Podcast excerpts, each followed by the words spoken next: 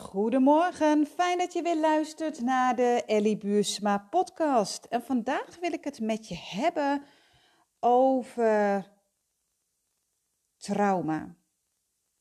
En bij mij is het zo, als er een intake is, dan is mijn intake ook nooit echt 15 minuten. Ik neem echt de tijd voor jou om echt naar je te luisteren. Want heel vaak dan zeggen mensen, ja, maar ik heb helemaal niet zulke grote trauma's. Ik heb niet echt iets heel heftigs meegemaakt wat ik niet heb verwerkt. En dan zeg ik eigenlijk altijd, ja, maar dat hoeft ook niet. Dat hoeft ook niet. Het kan zijn dat er in het leven bijvoorbeeld ja, bepaalde reeks en opeenvolgende traumatische ervaringen zijn die zeg maar zo sluimeren.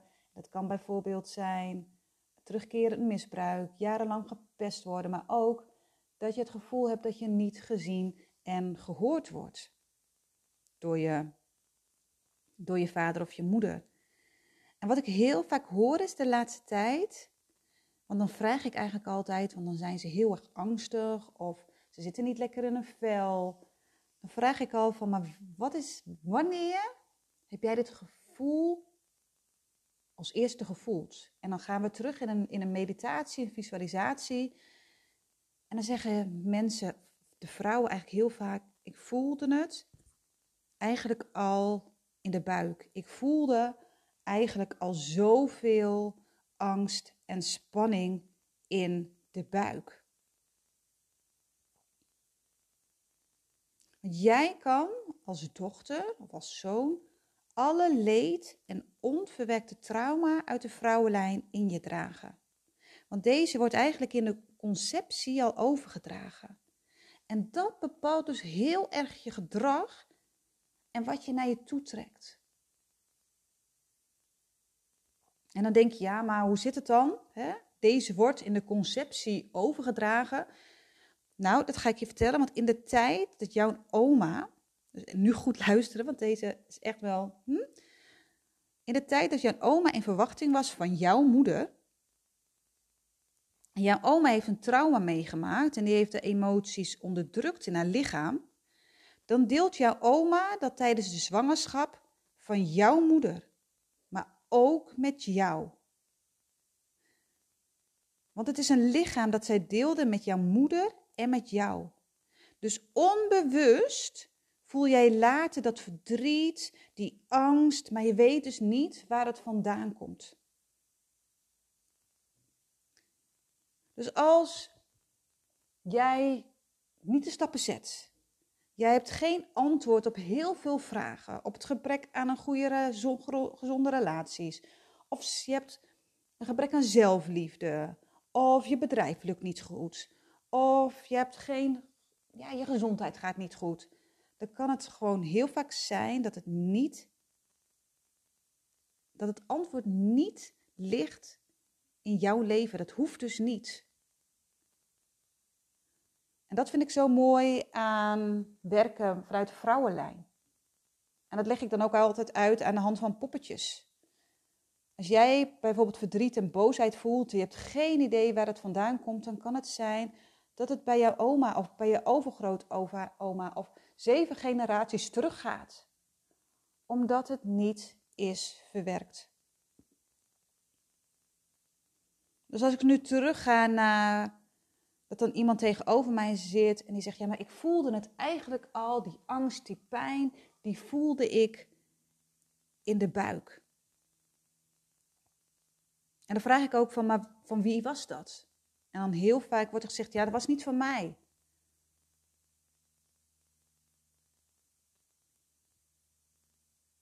En dan zeggen ze: Ja, dat is niet van mij, maar ik voelde het wel. Maar ik voelde eigenlijk ook nog meer, ik voelde eigenlijk ook wel dat ik niet gewenst was. Mijn moeder, die kon eigenlijk toen al niet van mij houden. Die was eigenlijk toen al emotioneel onbereikbaar. En dan vertel ik hoe dat werkt. Want als jouw moeder, hè, jij zit in de buik, maar als jouw moeder al tijdens de zwangerschap in een overleefmodus zit, of zij heeft een burn-out, een depressie, zij zit in een getraumatiseerde toestand hè, waar het niet veilig is, dan is het heel moeilijk om liefde te voelen voor haar ongeboren kind. Zij ervaart jou dus, haar ongeboren kind, als een last, een extra zorg. Van hé, hey, ik vind het al heel moeilijk om voor mezelf te zorgen. Nu moet ik ook nog, ik zeg moet hè, nu moet ik ook nog zorgen voor mijn ongeboren kind. Zij is, zij is aan het overleven. Dus wat ze, kan zij niet? Zij kan gewoon geen verbinding maken, emotioneel geen verbinding maken met het kind, met het, met het nieuwe leven in haarzelf. Want zij is eigenlijk al ja, leeg van binnen. Zij voelt niet die liefde, die geborgenheid, die veiligheid. En ze erkent het bestaansrecht van haar kind niet. En dat hoor ik dan zo vaak. Dan zeg ja, ik, ik heb het idee dat ik er niet mag zijn. En mijn moeder ziet mij niet. Wat er gebeurt is als jij in die buik zit, waar jij liefde, geborgenheid, warmte hoort te voelen en je voelt dat niet, eigenlijk voel je het dan al niet, ja, dan heb je een grote kans dat er ook geen veilige hechting is na de geboorte.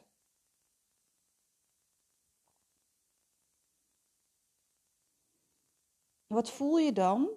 Ja, mijn moeder wijst mij af. En dan gaan we heel vaak terug ook weer naar de baarmoeder. Als ze dit met mij bespreken, dan krijgen ze ook vaak buikpijn. Daar zit gewoon heel veel afwijzing. En dat ze zeggen, maar ik ben zo moe. Ik ben zo moe. Dan zeg ik, ik heb koude vingers. En hun ogen zijn vaak alert. Ze hebben dunne lippen.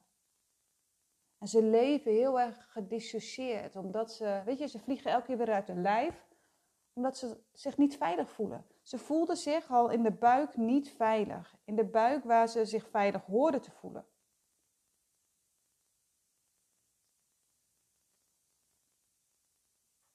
En dat is natuurlijk enorm heftig om dat te concluderen.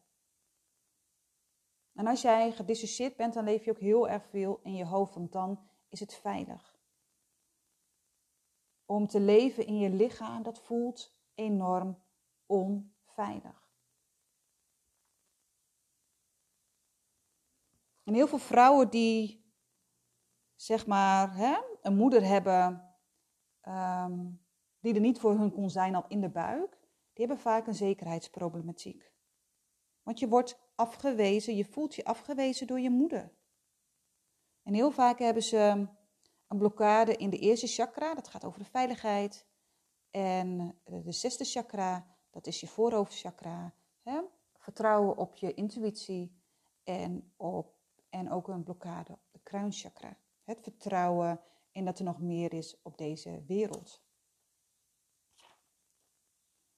En als jij in de buik zit, waar je eigenlijk dan al de liefde wil voelen en hoort te voelen voor je, van je moeder, en je krijgt dat niet, dan kan dit trauma, hè, want je wordt dus afgewezen door je moeder, kan dit trauma enorme, diepe sporen achterlaten.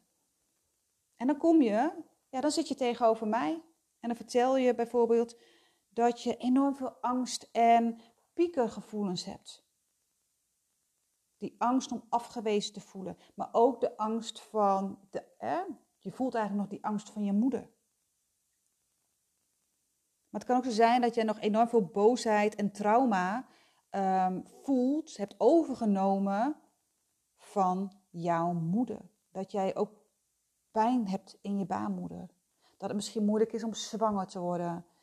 Dat je last hebt van, kom maar even, vleesbomen. Van verschillende dingen. Kan ook zo zijn dat je enorm verdrietig bent van, ja, maar waarom wilde mijn moeder mij niet? Waarom kon zij mij niet, um, kon ze mij geen liefde geven? Dat je enorm gaat twijfelen aan jezelf. Ben ik wel goed genoeg? Ben ik het wel waard? Wat ik net al zei, dat je heel veel gaat dissociëren. Dat je geen contact meer hebt met je lijf. Dat jij moeilijk contact maakt, maken met jezelf. Want ja, je hebt het toch niet geleerd, want enige wat jij in de buik wilde was contact maken met je moeder en dat kon zij niet. Het kan ook zo zijn is dat jij het heel erg moeilijk vindt om je te verbinden met andere mensen, met je partner, met je klanten, met je kinderen, met je collega's, met je vriendinnen. Want eigenlijk voel jij je ook emotioneel afwezig. Dus wat, jij, wat jouw moeder eigenlijk voelde, dat heb je overgenomen.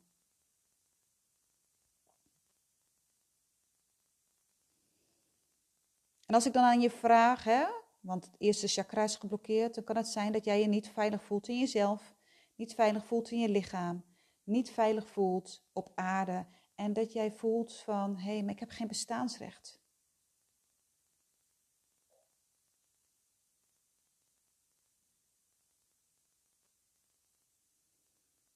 En het kan ook nog zijn dat jij binding en verlatingsangst hebt. Maar dat zijn de mindere mooie dingen. Maar het kan ook, weet je, en ik vertel natuurlijk nu ook de mooie dingen, is dat je spiritueel bent. Weet je, je hebt een spirituele gave van hé, hey, je weet dingen eerder dan een ander. Je bent analytisch. Je kan ongelooflijk snel denken. Je hebt een creatief vermogen. Je bent slim en intelligent. Als iemand dan voor mij zit, dan kan ik eigenlijk al aan het lichaam zien. Wie ben je? Wat heb je meegemaakt? En als je dan ook nog vertelt welke klachten je hebt, dan is het voor mij al binnen 30 minuten 1 en 1 is 2. Heel veel vrouwen die de angst voelden als ze in hun buik al afgewezen zijn, dan zijn ze moe. Maar ze hebben heel veel migraine omdat ze heel erg in hun hoofd zitten, omdat ze piekeren, omdat ze veel angst voelen.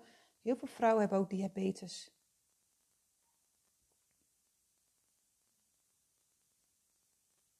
En het is dus heftig om te ervaren, mijn moeder die kon in de buik er al niet voor mij zijn.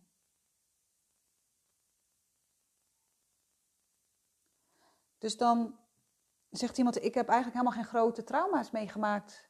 dan denken ze vaak aan oorlog, aan ongelukken, aan heftige dingen. En dan vertellen ze dit. En dan komen ze erachter, oh, ik heb toch een trauma. En dit is eigenlijk best heftig, want het gaat over mijn bestaansrecht. Het gaat over afwijzing. Niet gezien en gehoord worden. Het gaat over de basis. Het gaat over jouw fundament als persoon. Dus ja, iedereen heeft een trauma. Grote trauma, kleine trauma, iedereen heeft een trauma. En erken dat voor jezelf ook. Duw dat niet weg. De vraag is ook, wie ben jij zonder trauma? Wie ben jij met trauma? Kan jij je trauma ook omarmen? Want als je het gaat omarmen, dan kan je het op een gegeven moment ook loslaten. Want hoe harder we gaan schreeuwen, nee hoor, ik heb geen trauma en alles is goed gegaan en dit en dat. Hoe harder je schreeuwt, hoe meer trauma je hebt.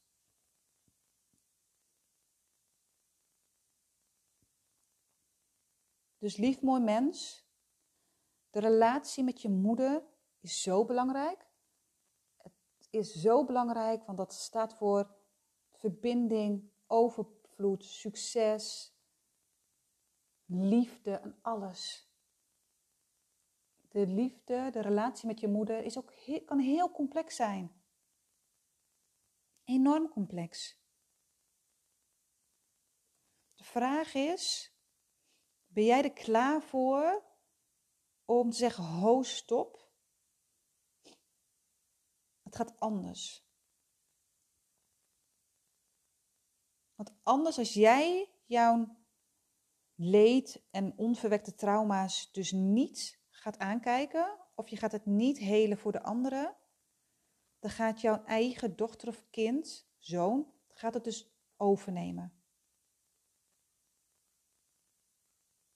Maar je moet ook niet denken van, weet je, als ik het dus niet doe, dan krijg, als ik het wel doe, dan krijgt mijn kind geen trauma.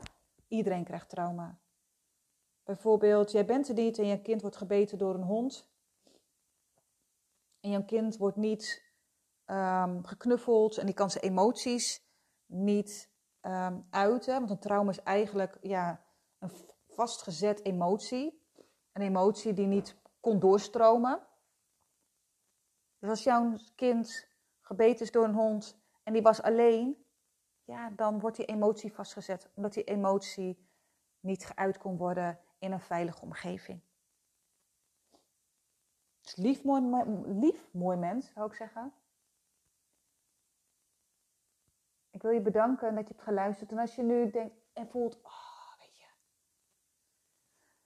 dit is het ook, dit resoneert met mij en ik wil daar graag aan de slag. Laat het me weten. Laat het me weten, want er is een reden dat jouw moeder jou heeft afgewezen in de buik, dat zij er niet voor jou kon zijn. Dus als jij daarmee aan de slag gaat, jouw moeder kan dat misschien nu nog steeds niet. Als jij daarmee aan de slag gaat met je eigen pijn, met alles, en je gaat dat helen, je kan het ook weer teruggeven aan je moeder, aan de persoon, misschien bij je oma, dan lucht het al zo op en dan kan je weer stappen zetten. Kan jij weer leven vanuit liefde, vanuit vrijheid, vanuit zachtheid, vanuit mildheid. Dus lief mooi mens, ik wil je bedanken voor het luisteren en ik wens je een hele fijne dag.